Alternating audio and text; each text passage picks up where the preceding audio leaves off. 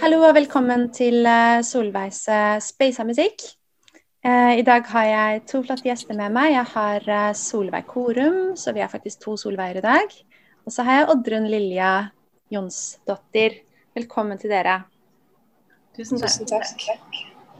Ja, vi er igjen på Zoom, da, men jeg håper at uh, Zoom-gudene er snille mot oss og lar det gå ganske fint. Og skal vi fortelle litt hvor vi sitter, da?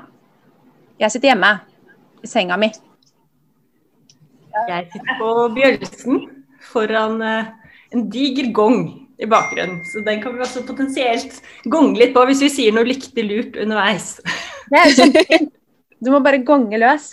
Kanskje du skal gonge løs eh, med en gang Oddrun har sagt hvor hun er? Ja, jeg sitter på Dovrebanen og skuer ut over fine landskap. Så hvis det er litt sånn togstøy i bakgrunnen, så er det ekte. Kult. Da må jeg få en gang.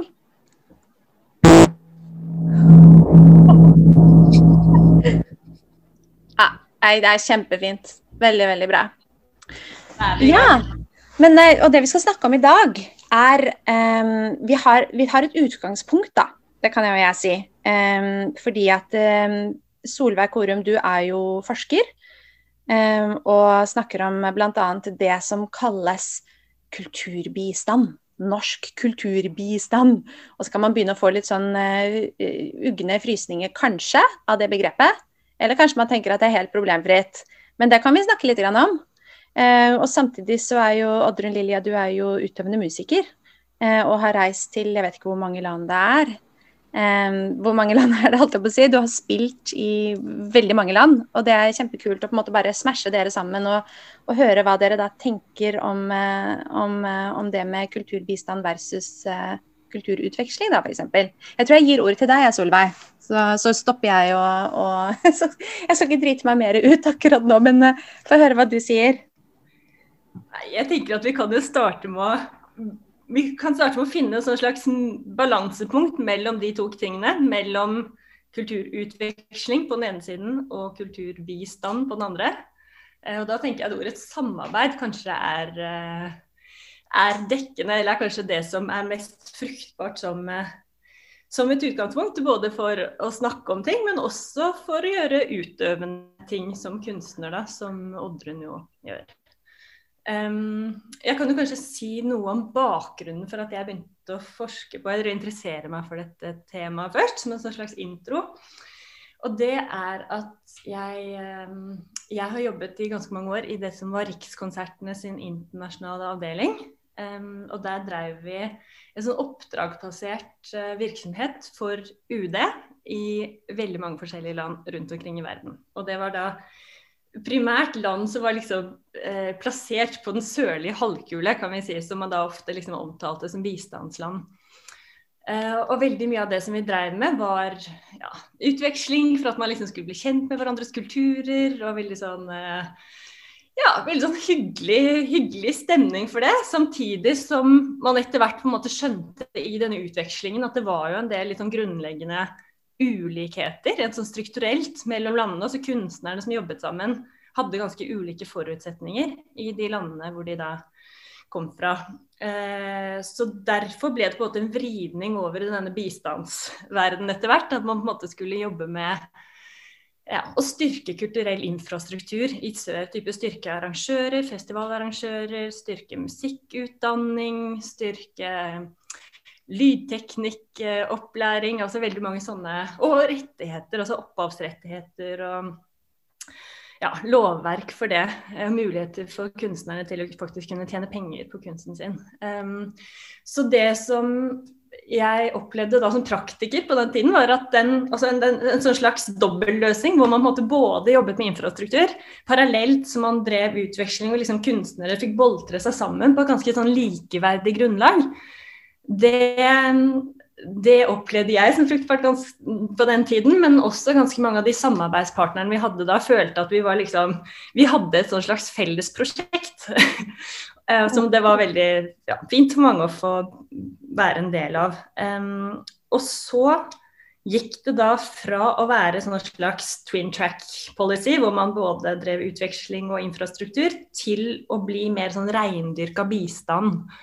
Og det her skjedde da eh, Ja, det var vel da omtrent Erna Solberg og co. kom til makten, hvor det da ble en veldig sånn vridning eh, inn i bistandstankegangen om at vi fra nord, vi, vi, var da på en måte ekspertene på et vis som skulle komme og Um, og endre på ting i sør. Og så samarbeidet de med, da, som, med en gruppe, da, disse kunstnerne og arrangørene som vi hadde samarbeidet med før. De ble da på en måte omtalt som endringsagenter, og det var veldig sånn instrumentell tilnærming til hva liksom man skulle gjøre med kunsten og musikken i disse landene.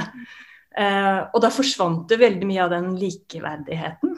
Uh, ved at man på en måte dro med seg hele bistandshierarkiet og veldig sånn resultatmåling. At vi liksom Vi var et sted, og så skulle vi gjøre tiltak det og det og det, og så skulle vi oppnå noe helt annet. altså sånn, nå et mål vis, da. Mm. En sånn etterbølger av en sånn eh, kolonialisme, nesten. At man eh, Ja. Nord skal ja. ned og lære opp sør. Ja, altså jeg tenker på mange måter at eh, det at man på en måte reindyrka den bistanden som man på en måte gjorde nå i en slags siste fase før nå feltet er i kjempestor endring igjen. Det kan vi komme litt tilbake til. Mens det som da skjedde fra 2013 til ca. sånn eh, ja, 17-18-19 ish, eh, det at man reindyrka den bistanden og instrumentaliteten, det tenker jeg på en måte var et skritt tilbake, fordi man da på en måte kom tilbake til disse veldig sånn hierarkiske, binære systemene som finnes altså som rett og slett hele bistandssystemet er bygget på. Bistandssystemet er på en måte bygget på ideen om oss og de andre, eller nord og sør, eller utviklet eller ikke utviklet. Det er så mye altså sånne litt sånn kunstige grenser der, som selvfølgelig er på en måte basert på en slags historisk realitet, men det er kanskje den historiske realiteten vi bør nesten kjempe litt for å endre, da. Fordi mm. vi mennesker er jo ikke binære. vi har ikke de motsetningene som systemet legger opp til. Og det tenker jeg jo at Oddrun er et veldig godt eksempel på. da. Eh, en kunstner som er bare full av mange fasetter, som arbeider tett med andre kunstnere fra andre land som er også fulle av fasetter og kunnskap og ting som de er og de kan. Kanskje, mm. ja, kanskje det her kan bli en sånn naturlig overgang til Oddrun, at hun kan dele litt av sine erfaringer på det. Litt sånn konkret ja, utrolig interessante og viktige, viktige perspektiver, Solveig, som jeg også har tenkt mye på. Ja. Jeg, jeg måtte stille meg selv spørsmålet før vi, skulle ha den, før vi bestemte at vi skulle ha den samtalen her for 30 minutter siden. Eh, at, eh, ja, om jeg på en måte har tenkt på det jeg holder på med som som uh, kulturbistand, da. Det, det har jeg liksom Det har jeg egentlig aldri Det har jeg ikke tenkt vært uh, et sånt uh, Ja, det har Jeg har alltid tenkt at det har vært det møtet som har vært i fokus. Men nå hoppet jeg kanskje rett inn, inn et sted. Jeg kan jo fortelle litt om om meg selv da, og hva, eh, hva jeg har gjort. Eh, det har jo vært eh, i, min, I mitt virke så har det vært eh, viktig med, med, disse møtene, da. Og det har egentlig bare blitt sånn at, at jeg har eh, reist rundt og samarbeida med tradisjonsbrukere i mange forskjellige land. Jeg har Vært i i mange turer i Afrika og i Libanon og India. Og, og samarbeidet med, lokale artister der. Um, ja. Jeg vet ikke hva som er interessant å, å høre om, om, rundt det, men uh, Alt er interessant å høre. Du må veldig gjerne fortelle litt, um, litt om uh, noen av disse møtene. Ja, det kan jeg gjøre. Mm. Det som kanskje har vært det nærmeste jeg har gjort, som, som man kan kalle ja, jeg vet ikke jeg vil egentlig ikke bruke ordet kulturbistand, men kanskje utviklingssamarbeid har vært et prosjekt i Libanon gjennom, som egentlig ble startet av Musikkhøgskolen, hvor de da hvor de da lærer altså jobber med musikk i en flyktningleir i Libanon. Og så lærer man opp da lærere og skaper et rom eh, hvor barn kan spille. Så det har på en måte kanskje vært det som har vært nærmest et sånt organisert utviklingssamarbeid. Hvis det andre har vært mye møter, da, f.eks. at jeg spilte eh, med en sitarist fra Pakistan. En super ja, super som heter Ashraf Sharif Khan. Og så har jeg lært mye raga-musikk av ham, og så har vi spilt på ragafestivaler i India og vært der. Kult. Kanskje vi bare skal høre en av disse låtene som, eh, som har kommet ut av noen av disse samarbeidene? Ja, det kan vi gjøre. Uh, vi kan høre på um, Vi kan jo godt høre på den låta som er uh, hvor det barneorkesteret fra, fra Libanon er med. Den låta heter altså Tyr. Eh, så her kommer Tyr med Lilja.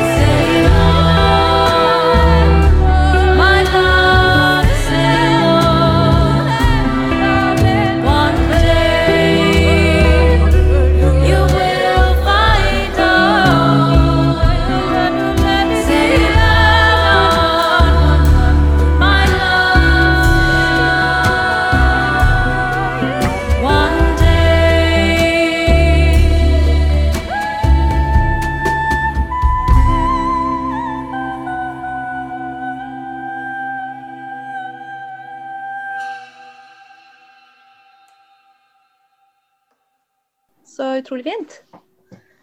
Takk. Ja. Takk. Hyggelig. Og hun som synger, eh, hun høres ut som en eh, fløyte eller fiolin eller et eller annet. Ja, Sanne Rambaks heter hun. Hun bor i Nederland, eller hun er fra Nederland. Og eh, driver egentlig mest med fri impro. Eh, og vi møttes på en festival som heter Drammen Sacred Music Festival. Egentlig første gang. Hvor hun også spilte, men vi snakket ikke noe sammen da. Så hadde hun sett meg spille i Belgia, og så plutselig så fikk jeg en e-post av henne hvor hun spurte om jeg ville bli med på turné i Nederland. Og så møttes vi, og så var det bare full klaff.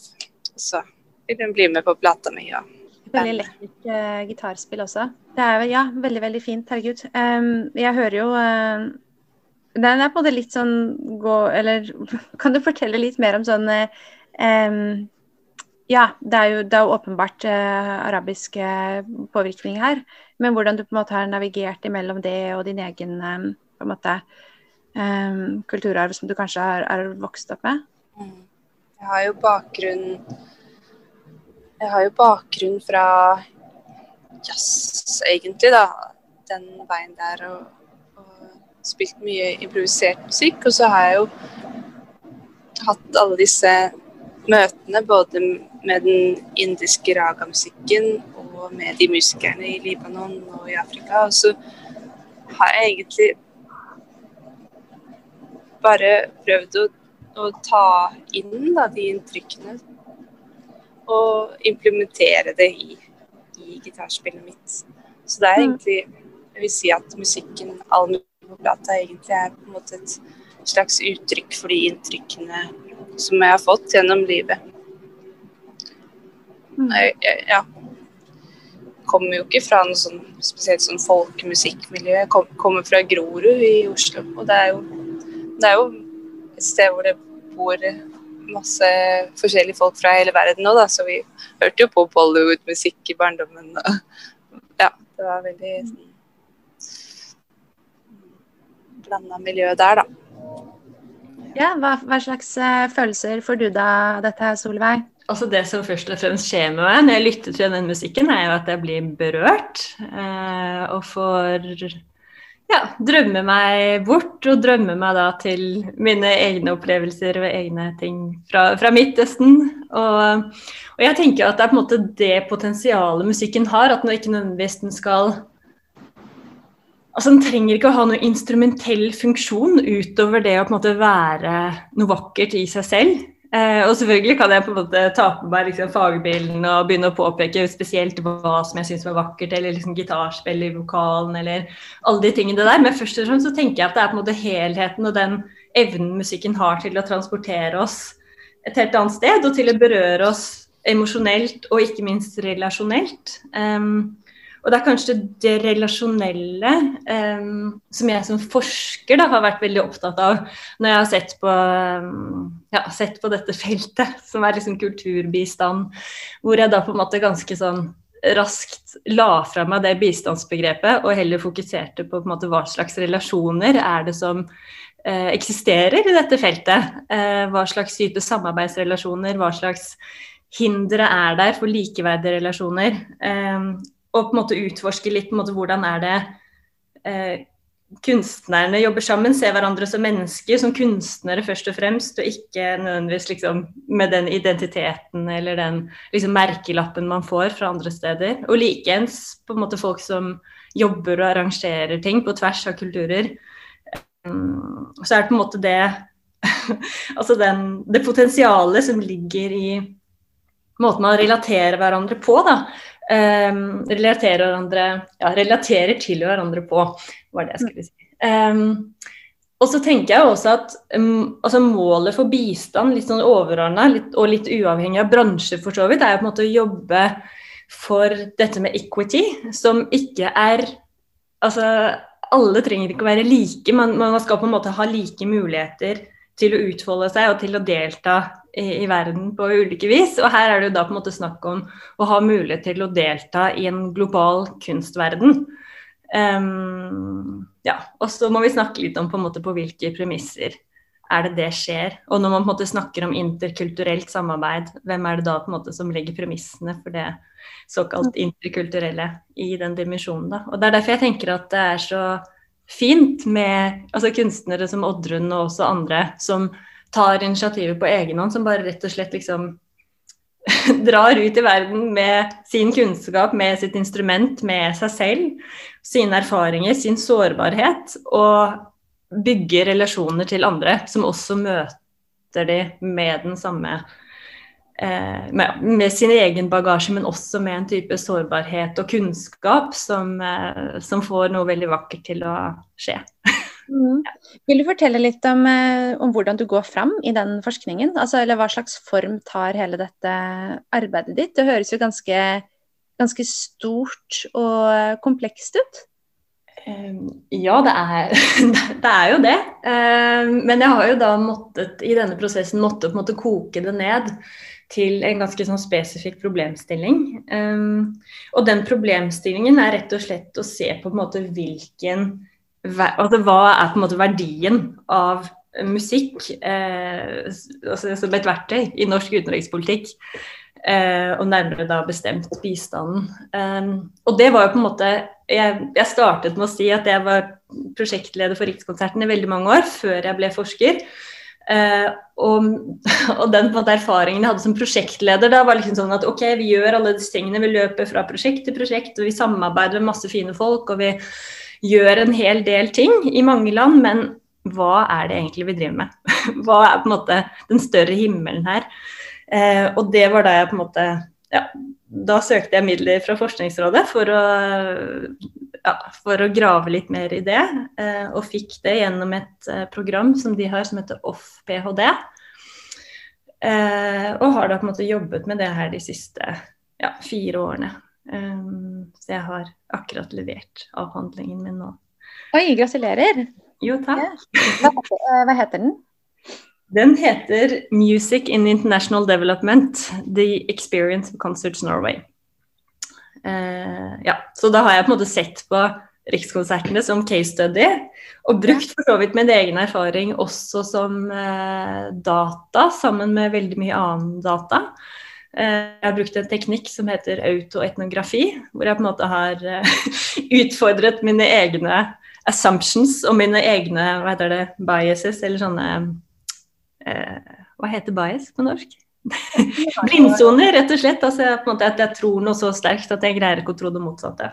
Så jeg har virkelig gjort litt sånn gravearbeid på meg selv på på verdien av noe jeg måte, har jobbet med selv. Eh, og det har jo vært en litt sånn smertefull opplevelse, fordi man ser jo man stiller på en måte et speil eh, både foran meg selv, men også på en måte foran de kollegaene og foran alle jeg har jobbet med i veldig mange år. Hvor jeg på en måte stiller utfordrende spørsmål, og særlig kanskje relatert til det som jeg startet med å snakke om da, rundt det altså koloniale arven og rollene vi har. Hvem er det som på bestemmer på hvilke premisser? Og selv om vi måte sier at vi var gode på å involvere lokale kunstnere og lokale arrangører fra landene vi jobbet i, eh, var, var, vi egentlig det? Eh, var vi på en måte refleksive nok i vurderingene våre? Og mm. analyserte vi på en måte våre egne maktposisjoner?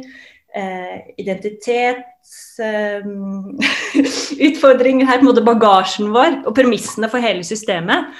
Mm. Eh, og det tenker jeg jo at vi på mange måter ikke helt gjorde. Eh, og at det er en utrolig komplisert øvelse. Men jeg tror det er en øvelse som vi må ta da, for å på en måte komme til neste. Men altså, Jeg vil bare hoppe fort tilbake til dette med autoetnografisk undersøkelse. Hvis jeg ikke husker feil, så er vel det litt sånn bygget på det premisset at man kanskje aldri som forsker kan være, eller i hvert fall i kvalitativ forskning, kan du ikke være helt objektiv. Stemmer det? Og at du da på en måte må sette deg selv litt under lupen, og, eller gå systematisk i seg selv også, nettopp for å prøve å komme Selv om man aldri kommer helt ut av det, eh, man vil alltid være subjektiv, så kan man i hvert fall prøve å gjøre en litt sånn avansert selvreflektiv øvelse der, som du sier. Eller stemmer det? ja, det, ja, det stemmer jo. Eh, og det er jo sånn at som forsker, og kanskje da særlig liksom innen samfunnsfag og humaniora, så er det jo ofte sånn at man forsker på et tema fordi man er spesielt interessert i dette temaet og har en bakgrunn for å forske på det.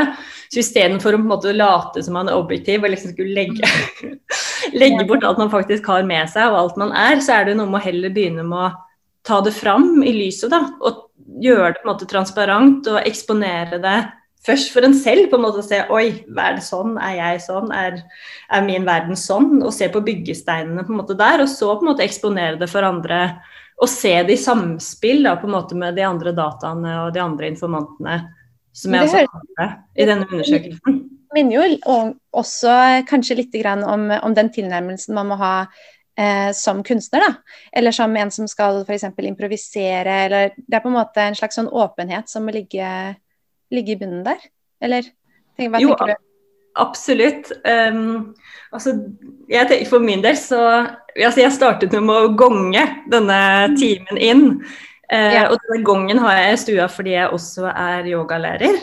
Um, og yoga for meg har jo veldig mange paralleller til denne prosessen uh, som forsker. Og for så vidt det du nevner med å være sånn utforskende kunstner, improvisere og tørre på en måte å jobbe dypt nok med seg selv eh, til å på en måte liksom bryte stengsler og på en måte grave dypt nok til å liksom virkelig finne det autentiske og sårbare som finnes der, da, som kanskje ikke nødvendigvis er sjarmerende engang. Eller det er, det er, jo ikke alle sider av oss selv som er det.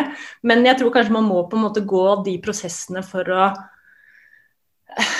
for å ta bort skallet og kunne liksom Jeg kommer hele tiden tilbake til dette med relasjoner, men å kunne liksom bygge bygge mer ærlige relasjoner. Både sånn mellom oss mennesker, men også sånn kunnskapsmessig. Eh, eh, og tørre å på en måte sette seg selv uti der som et verktøy eh, for utforsking og for samarbeid. da. Enten man er musiker, forsker eller yogalærer. Du trenger ikke å svare på det, da, men, men, var det noe der du fant som du måtte endre i deg selv? Eller noe du har lyst til å dele? Ja, det er det for så vidt. Altså, jeg tenker jo at altså, både, Jeg kommer jo opprinnelig også fra Grorud, der Oddrun eh, kommer fra. Som er et veldig sånn multikulturelt eh, samfunn på mange måter. Og det å på en måte bli, ha blitt eksponert i tidlig alder for ulike kulturer, ulike høytider, mat og musikk det, Jeg har på en måte alltid sett på meg selv som en ganske sånn tja, åpen og informert og interessert eh, person. Eh, og det tok jeg også med meg inn i jobben som prosjektleder i Rikskonsertene da jeg startet. Men så tror jeg nok ikke at jeg har sett helt tydelig i hvilken grad på en måte de systemene jeg kommer fra, har lagt premisser for både min måte å se verden på, vår måte å se verden på, og også på en måte vår, jobb, vår måte å jobbe med interkulturelt samarbeid på. Ehm, jeg tenker at ehm, ja, at både jeg som person og vi som samfunn på et ikke kanskje er lyttende nok.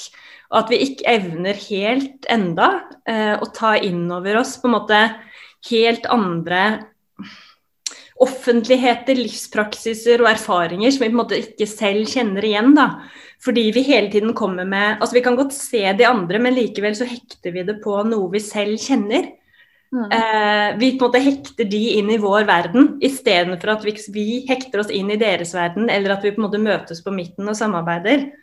Eh, mm. Så jeg tenker at vi, vi har en del kompetanseerfaring, men samtidig så er det ganske mange blindsoner eh, og arbeid som gjenstår her. Og jeg, jeg tenker at alle disse tingene kan også relateres til altså denne Black Lives Matter og privilegiedebatten. Altså det er masse ting her som vi virkelig må jobbe med og jobbe dypt med. Og da må vi på en måte tørre å se våre egne privilegier og se systemer som gir oss fordeler som vi ikke nødvendigvis på en måte er helt berettiget til å ha. Mm, så bra det du sier nå. Kjempeviktig. Ja. Mm. Men det er jo utfordrende. Det er virkelig utfordrende. Ja, ja. men det er utrolig bra at noen tar den, eh, ja, tar den jobben og går, går det systematisk i, i sømmene.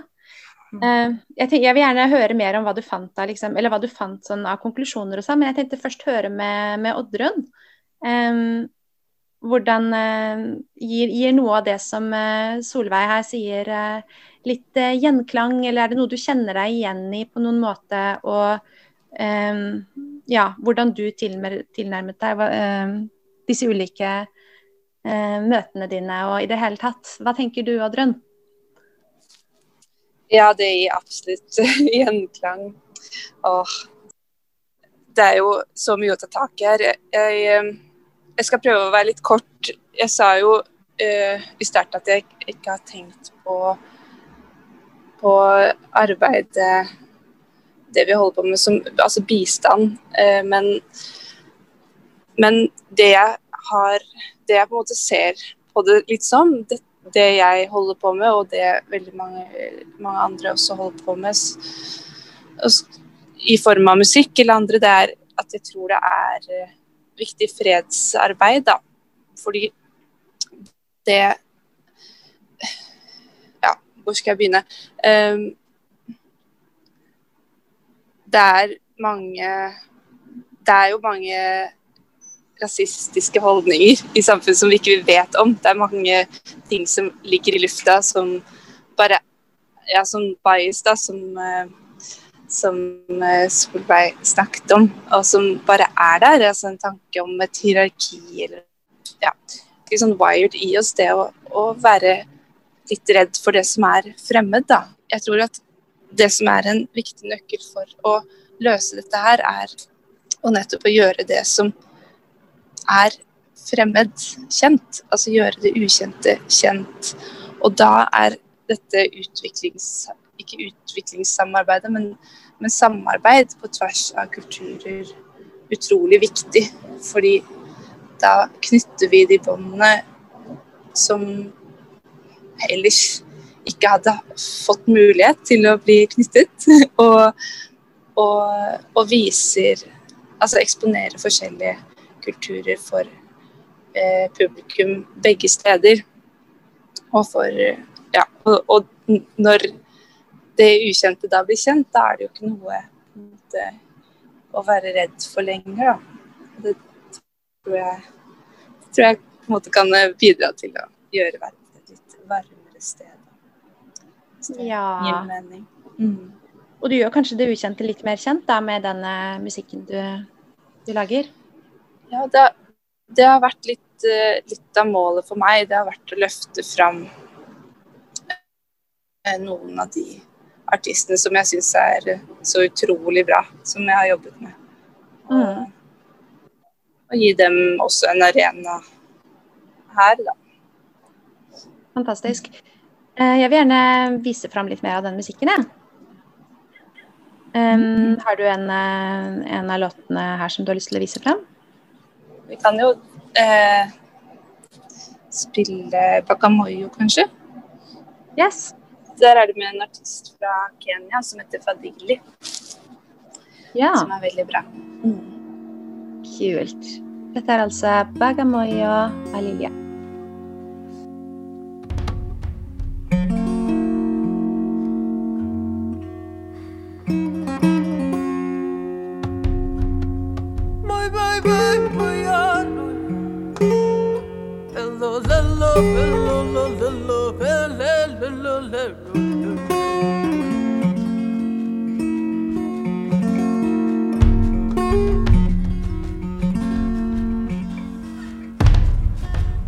wape, lini ya lini, wape. Wape ya wape, lini ya lini, wape. Wape ya wape, lini ya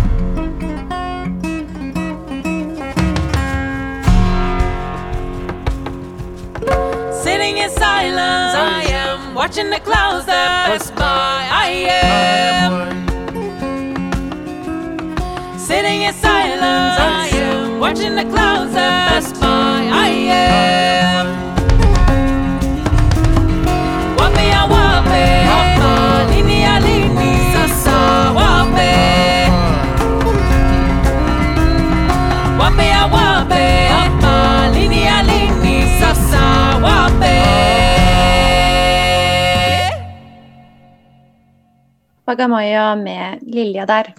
Ja, fint. Um, Oddrun, hvordan er det du uh, finner på uh, musikk? Det syns jeg alltid det er gøy å spørre låtskrivere og komponister om. Det er tema som kommer flere ganger der. Um, hva, er det, hva er det du starter med? Er det en følelse, er det en idé, er det noen toner, er det litt klimpring på gitaren? Er det Ja. Det, det prosjektet her, så var det jo først en idé, da. Først en ramme, et konsept, som var jeg skal lage ti låter som representerer ti byer, ti reiser som jeg har gjort. Eh, så det var rammen. Jeg visste, jeg, jeg visste hva låtene skulle hete, og så visste jeg at jeg skulle være med og spille dem. Og det var egentlig de eneste rammene jeg hadde. Eh, og så måtte jeg jo gå inn da i hver, hver eneste av disse reisene og kjenne på, kjenne på hvordan det var, kjenne på følelsen av det. Og, og også gå inn i den tradisjonsmusikken jeg hadde møtt. Så til den låta her så hørte jeg masse på en familieorkester som heter Savose, som holder til i, ja, i Bagamoyo i Tanzania. Og som har disse, der, disse tette klangene, kor, korklangene. Eh, og mye spørsmål og svar i musikken, og også en sånn eh, underdeling av trioler som ikke er jevne, men litt sånn skeive. Eh, så da tenkte jeg OK, men hva skjer om jeg prøver å spille dette på gitar, disse korklangene, hvordan låter det? Og det var egentlig sånn denne låta ble til. Og så mm. spilte jeg, mm, og så spilte jeg også en sang i Kenya som het Wape Wape, så, så det var der de ordene, ordene kom, kom, inn, da. Ja. Jeg, det er veldig gøy å høre hvordan, eh, hvordan ulik musikk blir til.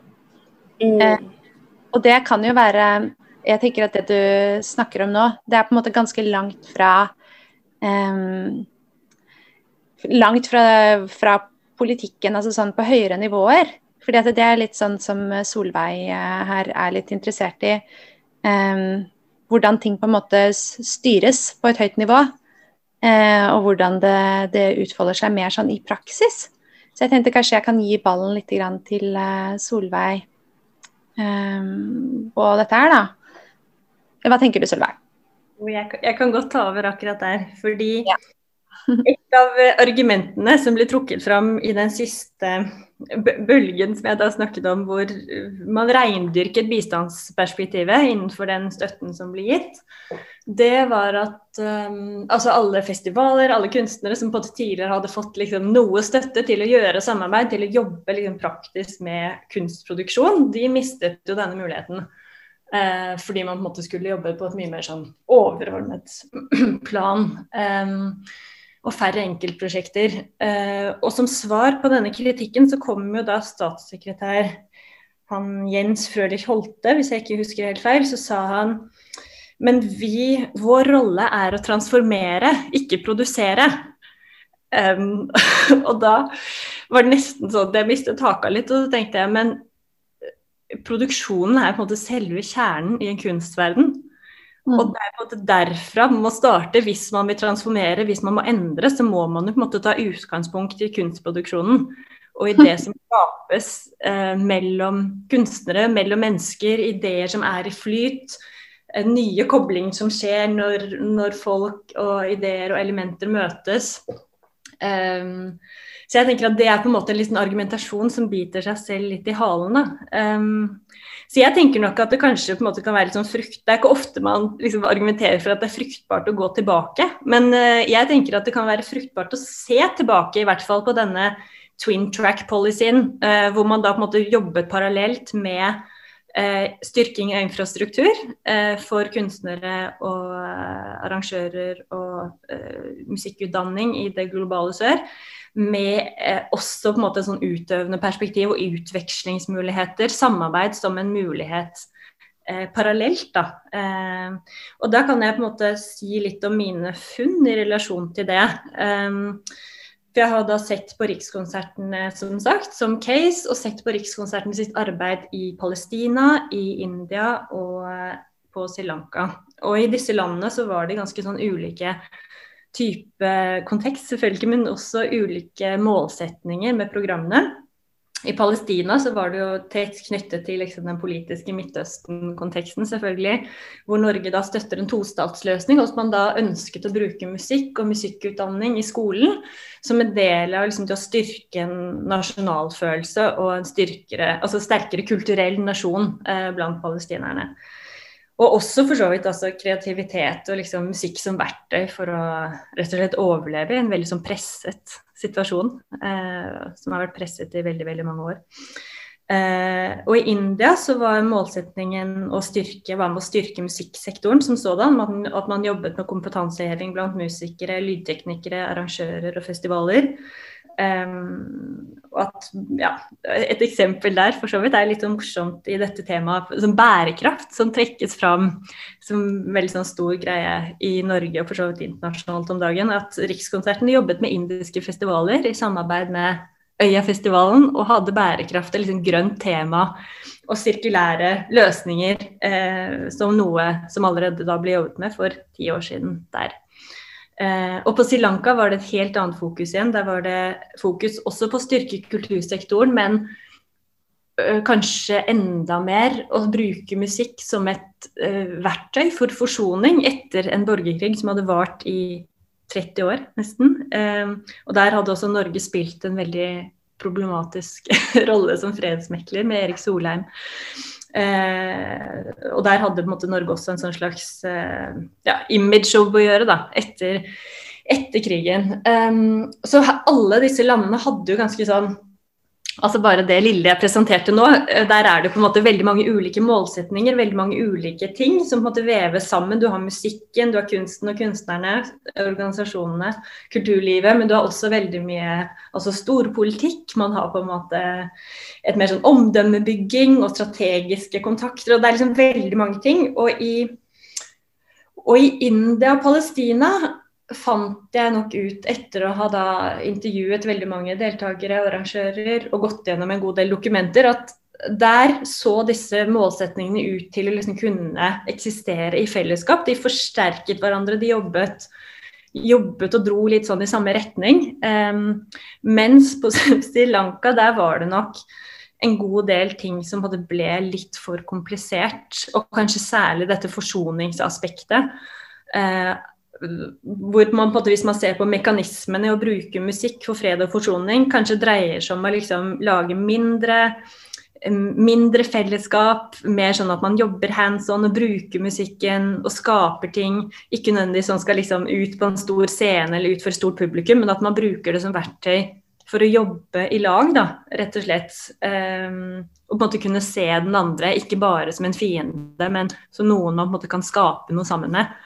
Um, mens hvis det på en måte da skal gjøres samtidig som man på en måte må lage en stor festival, Norge skal være veldig synlige uh, i hele befolkningen der nede, så er det en del målsetninger som, ja, som rett og slett gikk litt på tvers. Og også for så vidt den altså bistandsbransjen på Sri Lanka som sådan har på en måte ja, Det er på en måte mye penger i omløp, det er mye interesser, og den man da valgte å samarbeide med, var da den største bistandsorganisasjonen på øya, eh, som ikke hadde noe eh, erfaring fra musikk fra før. Så det var en del sånne mekanismer som, som måtte rett og slett ikke, ikke funka så bra der nede. Mm. Um, ja. Så, men det man på en måte ser, er hele tiden dette spenningsfeltet mellom de ulike altså veldig ulike profesjonelle paradigmer. Altså På den ene siden så har man det veldig intuitive og praksisstyrte i kunstverden. Og på den andre siden så har man måte de byråkratiske, resultatbaserte, eventuelt politiske. Eh, den kulturbistanden på den andre, da.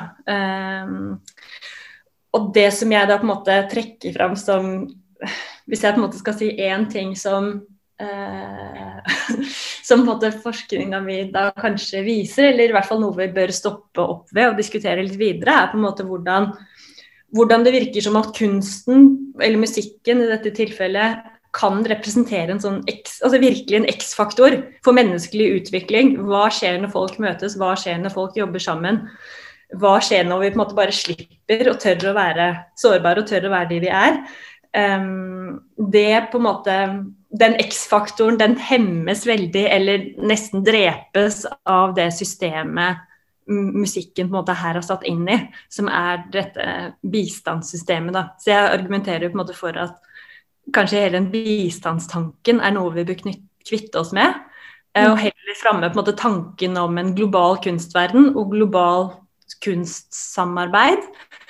Um, og så foreslår jeg også helt til slutt i oppgaven en slags modell for hvordan man på en måte kan gjøre det på en altså ikke-kolonialistisk måte, eller ja, det som jeg snakker om, som liksom post-utvikling. Post-development framework for uh, music and social change. Ja, ja høre. Kan du si den i korte trekk? Ja, altså i, Der har jeg på en måte laget en sirkulær modell hvor jeg på en måte lister opp hvilke ulike sånne preconditions som man på en måte bør ha tenkt igjennom før man setter i gang et sånt prosjekt. Og det handler jo veldig mye om å bevisstgjøre. ikke sant? Er det de som kommer fra nord som kommer med noen premisser, eller er det på en måte lokale behov, lokale eh, prosesser, lokale ting man tar utgangspunkt i. Hvem er det som på en måte kommer med et behov for endring? Og så må man på en måte se på hvorfor er musikk viktig i dette tilfellet. Hvorfor er musikk et verktøy? Hvorfor er det på en måte viktig for mennesker i akkurat denne settingen her? Og på en måte ikke det å tenke at liksom, musikk kan hjelpe mot alt. Musikk er et språk som alle snakker. Altså, det er mye sånne Selvfølgelig er det det, men det er også ganske mye sånne Hvis man tenker at det er sant overalt, så er det en del nyanser som man på en måte ikke catcher da, i potensielt veldig utfordrende lokale situasjoner. Eh, og så er det på en måte med hvem, hvilke nettverk bruker man, hvilke ja, finansieringsløsninger har man. Eh, og så går man på en måte over i prosessbiten av modellen. Og der snakker jeg på en måte mye om Eller stikkordsform er på en måte Har man en delt forståelse? Har man på en måte verktøy for å refleksivt gå inn i eh, måten prosjektet er bygget opp på? Ser man på en måte maktrelasjonene som ligger til grunn for dette her? Jobber man aktivt for å bryte de ned? Eh, bidrar dette prosjektet til å på en måte eh, gi individer og grupper Eh, en mulighet til å på en måte reflektere kritisk eh, rundt det de driver med, og til å på en måte forestille seg en alternativ fremtid enn det liksom dagens system legger opp til. Eh, og så er det på en måte den siste biten som går inn på legacy, eller arv, snakker jeg om. Jeg snakker bevisst ikke om resultater, eh, for det tenker jeg er veldig sånn feil begrep. Um, hvor jeg lister opp på en måte tre nivåer. og Det ene er det vi ser, altså helt konkret. Hvilke, hvilke verk er det som, altså musikalske verk er det som kommer ut av disse produksjonssamarbeidene? Hvilke, hvilke typer kulturell infrastruktur er det man ser som dette har ledet til? Er det endrede undervisningsmetoder? Eh, har man endret um, ja, hva som helst egentlig som man kan se, da. Eh, det er på en måte det den, det første nivået. Og det andre nivået som det kan lede til av endring, er we think. Hva, det endrer måten vi tenker på, potensielt. Hva vi lærer. Personlige historier eh, om endring. Eh, og historier hvor hele lokalsamfunn har på en måte endret seg, som man kan peke på. Nye nettverk, og ikke minst dette med vennskap og altså support på tvers av landegrenser. Som jeg tenker er kjempeviktig. At folk som står i en potensielt pressa menneskerettighetssituasjon i ja, la oss si Iran, da, kan ha noen venner i kunstverden andre steder som de kan snakke med og finne støtte hos og uh, næres hos. Um. Og hegnes om. Um, og så er det på en måte den generelle internasjonaliseringen av musikklivet. Uh, denne globale kunstverdenen som jeg allerede har vært inne på. Uh, og det siste nivået der, som har med legacy eller arv fra disse ulike prosjektene å gjøre, er hva vi potensielt kan bli. Altså ikke bare liksom det konkrete hva vi ser, hva vi tenker, men det at vi faktisk etter hvert blir mer like, altså likeverdige, har likere muligheter i verden. Vi bryter ned hierarkiene, og vi har en større forståelse av delte ideologier istedenfor polariserte ideologier. Um, og vi kan også bruke disse prosjektene, eller prosjektene har på en måte et stort potensial, en X-faktor, for å bryte ned det som jeg snakker om, eller det kommer egentlig fra Gayatri Spivak. Hun snakker om epistemic and cultural violence. Eh, som er på en måte hvilke begrep, hvilke merkelapper, det binære som jeg snakket om tidligere. Eh, som rett og slett vi kan bruke disse samarbeidene for å bryte ned. Og vi kan også på en måte bryte ned de motsetningene som finnes mellom det globale nord og det globale sør. Fordi mm. dette er på en måte kategorier som vi bør legge bak oss, da. Men vi bør på en måte anerkjenne hva som ligger der nå av system og struktur, og konkret gå inn og jobbe med det. Og så har jeg på en måte lagt en um, Altså dette er på en måte ikke en modell som går fra ett sted og så til dette med arv, og så er den ferdig. Det er en sirkel som går rundt og rundt. og der har jeg en lagd en pil tilbake til start hvor det står 'Da capo, never fine'. Altså det er på en måte at du Rykk tilbake til start. Vi er aldri ferdig med dette her. Um, det er ja, work in progress og work in progress som kommer til å foregå i mange år, og kanskje i mange generasjoner. Um, og så har jeg en sånn slags altså rammen rundt denne modellen Jeg er veldig snart ferdig med å snakke om denne modellen. Men Ja, bare må- gange til slutt. Hæ? Du må huske på å gange til slutt. Jeg kan at du ikke i styresmaktene og får dem til å høre på deg. Ja, men det. Jeg skal avslutte med å gonge. Eh, for jeg tenker at Det budskapet som jeg på en måte har skrevet i rammen rundt denne modellen, det er et viktig budskap. Og det ja, eh, det står på engelsk, da, så jeg refererer det på engelsk. Hold your friends, family and colleagues accountable for whatever misconception and colonial models of thinking you all engage in. Do not be afraid to call each other out at any point. Repeat.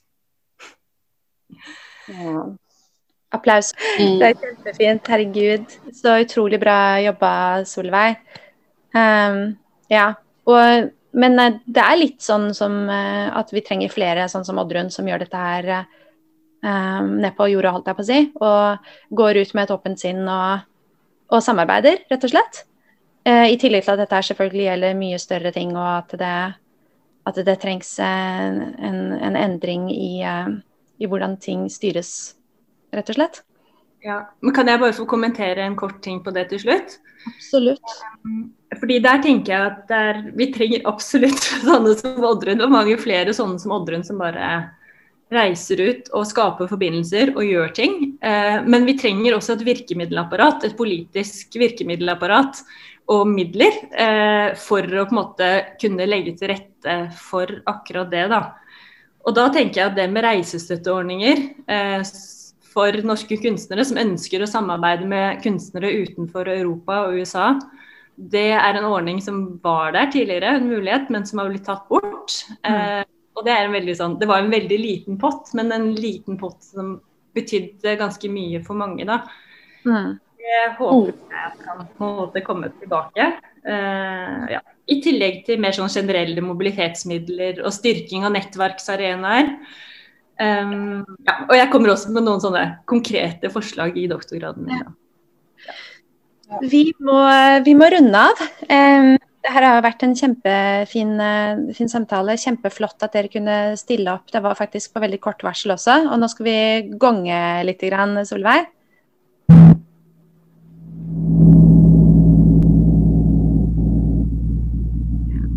I Zoom-kvalitet. Vi får bare forestille oss at det, at det dirrer i hver celle i kroppen. Um, og at det dirrer litt eh, til endring også. Eh, tusen takk, dere. Jeg tenker Vi kan avslutte med det vi måtte rekke av det, det sporet som du sendte meg fra den gode gamle tiden da dere faktisk hadde hands on arbeid eh, i eh, Var det Bangladesh? Eh, og et britisk og et eh, lokalt eh, band som spilte sammen. Ja, det er et band som heter Casa Murillo, som er et norsk-britisk band som samarbeider med Bangladesh sitt største sånn folk fusion-band som heter Chirkut. Og der spiller vi en ja, litt sånn improvisert på et uh, tak i Dhaka. Uh, så kan vi avslutte med å lytte til. Yes.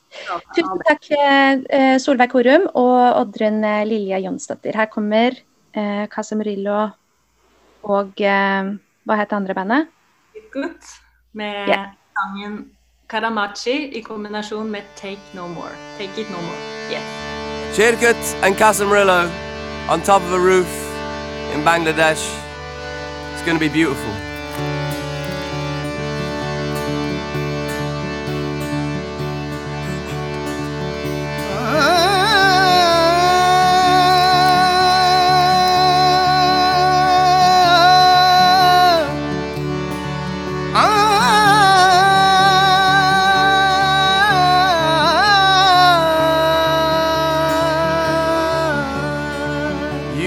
Brothers lined up and marched out the door. I'm with the others dancing around chalk lines on the floor. And I can take it, can take it, can take it, can take no more.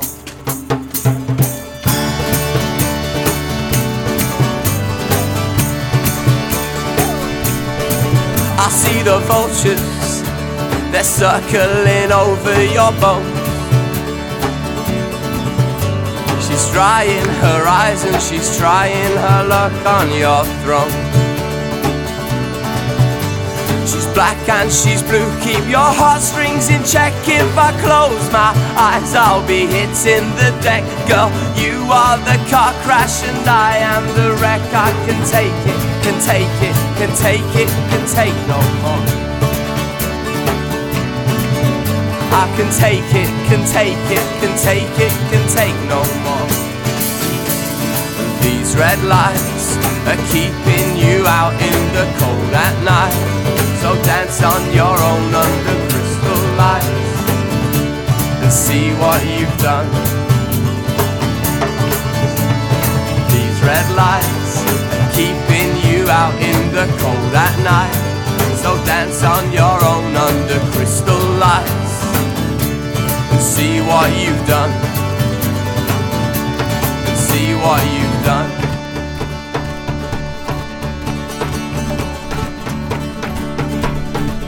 I can't stand it. I can't stand it.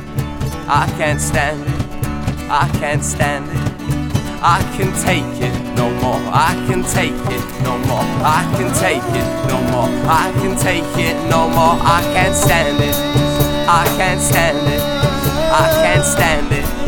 I can't stand it. I can take it no more. I can take it no more. I can take it no more. I can take it no more. I can't stand it. I can't stand it. I can't stand it. I can't stand it. I can take it no more. I can take it no more. I can take it, can take it, can take it, can take no more.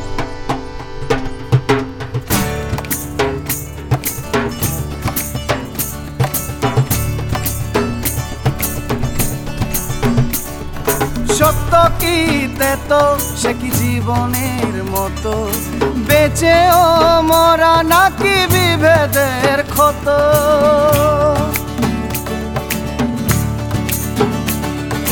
মিথ্যা কি ভুল নাকি নীল না জল? দেখতে কেমন সে বলো, কতটা তুল কানামাছি মিথ্যা কানামাছি কানামাছি তুমি আমি যে যার মতো। কানামাছি মিথ্যা, কানামাছি সত্য। কানামাছি তুমি আমি যে যার মতো। কানামাছি মিথ্যা, কানামাছি সত্য। কানামাছি তুমি আমি যে যার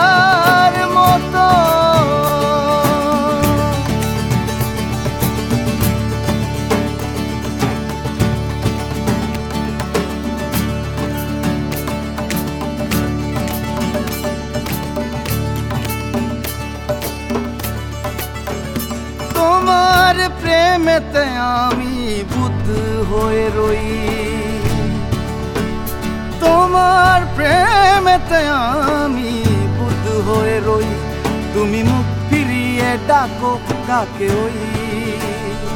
তুমি মুখ ফিরিয়ে ডাকো, কাকে ওই? কানামাছি মিথ্যা কানামাছি সত্য কানামাছি তুমি আমি যে যার মতো। কানামাছি মিথ্যা কানামাছি সত্য কানামাছি তুমি আমি যে যার মতো। কানামাছি মিথ্যা কানামাছি সত্য কানামাছি তুমি আমি যে যা